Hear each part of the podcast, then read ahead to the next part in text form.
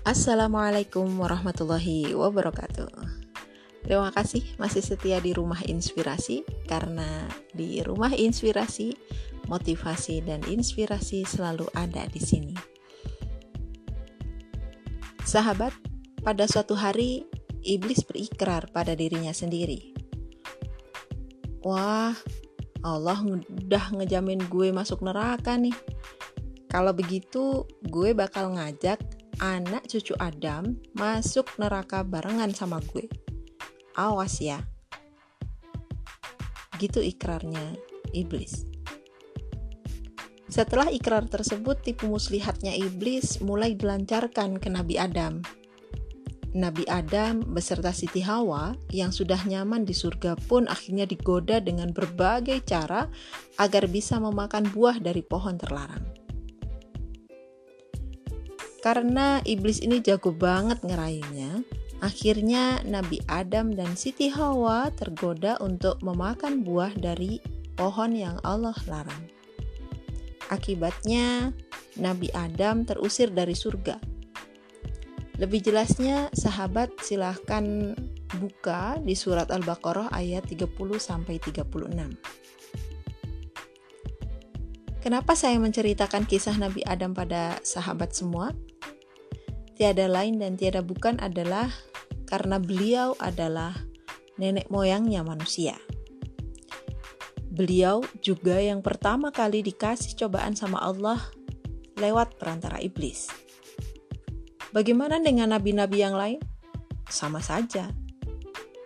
Dari Nabi Adam sampai Nabi Muhammad, semuanya dikasih ujian yang dahsyat oleh Allah Subhanahu wa taala. Tidak ada satupun di antara mereka yang luput dari ujian. Namun, ujian-ujian tersebut justru mereka hadapi, mereka nikmati, dan bahkan mereka syukuri. Inilah kuncinya.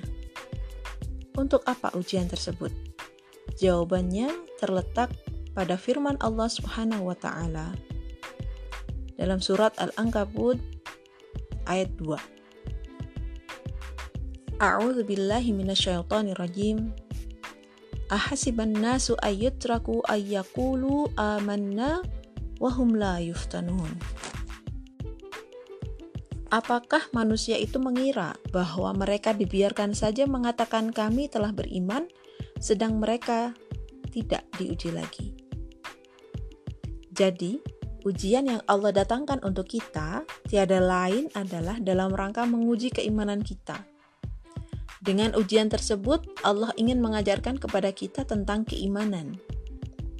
Dengan ujian tersebut, Allah ingin menunjukkan mana orang-orang yang keimanannya memang sudah tertanam dalam hati dan mana orang yang keimanannya hanya sebatas di dalam tenggorokan saja. Nah, pertanyaannya, kita masuk yang mana?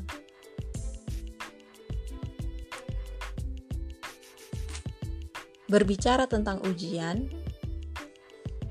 disadari atau tidak, ujian yang Allah berikan kepada kita adalah tanda kecintaan Allah pada kita. Justru kita mesti bertanya-tanya, kalau misalkan hidup begitu-begitu saja, datar-datar saja, tidak ada yang membuat kita deg-degan, jangan-jangan Allah sudah tidak sayang lagi sama kita. Ada sebuah hadis yang diriwayatkan oleh Imam Tirmidzi. Sesungguhnya besarnya pahala sesuai dengan besarnya cobaan atau ujian. Dan sesungguhnya apabila Allah mencintai suatu kaum, dia akan menguji mereka. Maka barang siapa yang ridho, baginya lah keridhaan Allah. Dan barang siapa yang marah, baginya lah kemarahan Allah. Tentu ujian yang Allah berikan kepada kita akan berbeda-beda dan berbagai macam bentuknya, sesuai dengan kadar keimanan kita masing-masing.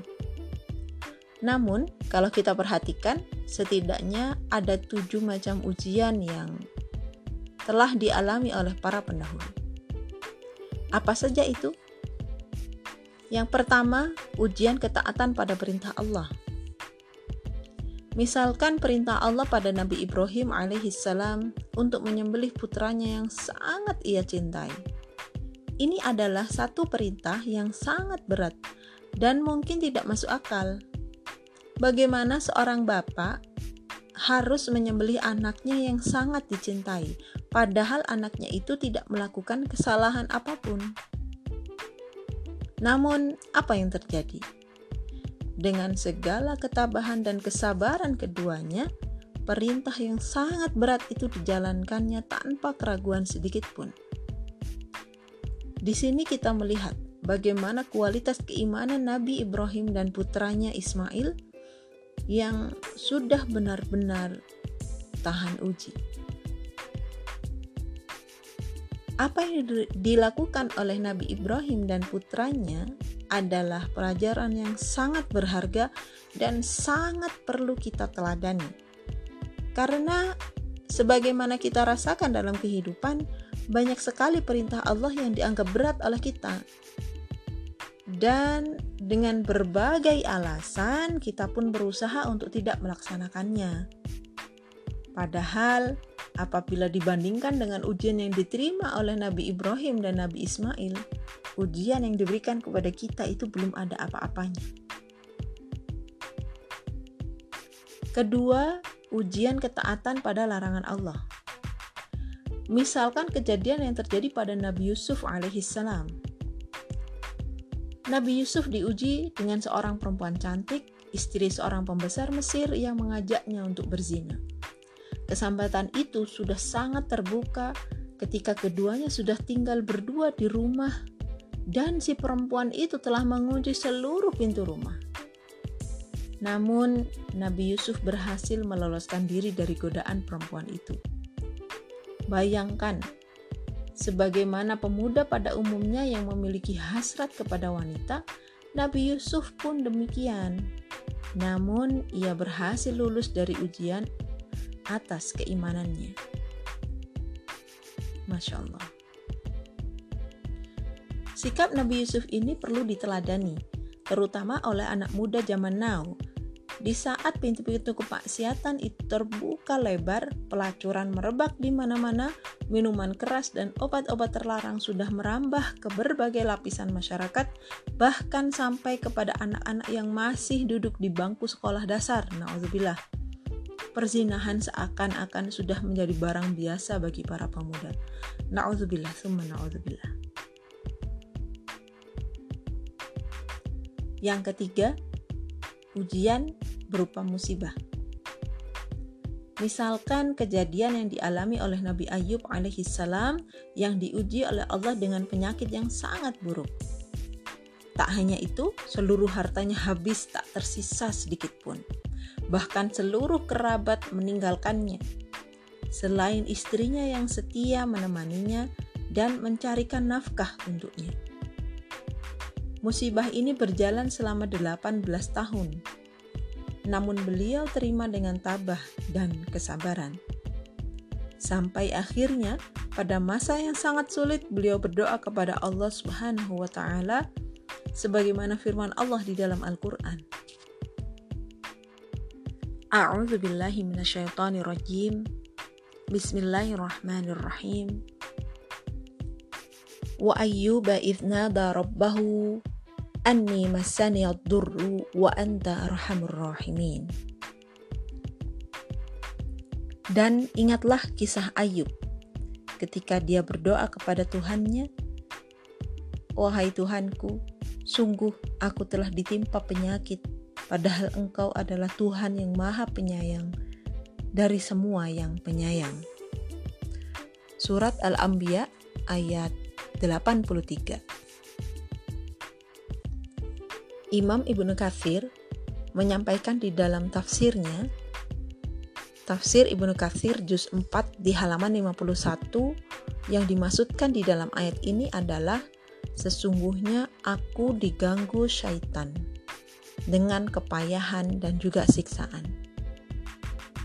Nah, begitulah ujian Allah kepada nabinya untuk membuktikan ketangguhan imannya Tak sedikit mereka merasa menderita dan tak terbetik dalam dirinya untuk menanggalkan imannya.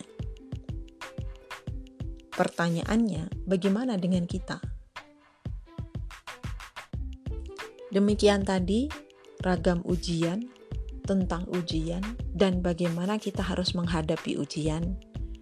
Bahwa ternyata kesabaran itu akan menjadi kunci karena ujian sejatinya menjadikan kita untuk semakin dekat dengan Allah. Terima kasih, saya Dinur Khotimah, Ummu Zaki Abdurrahman dari Kota Malang. Kita ketemu lagi besok insya Allah masih di Rumah Inspirasi. Wassalamualaikum warahmatullahi wabarakatuh.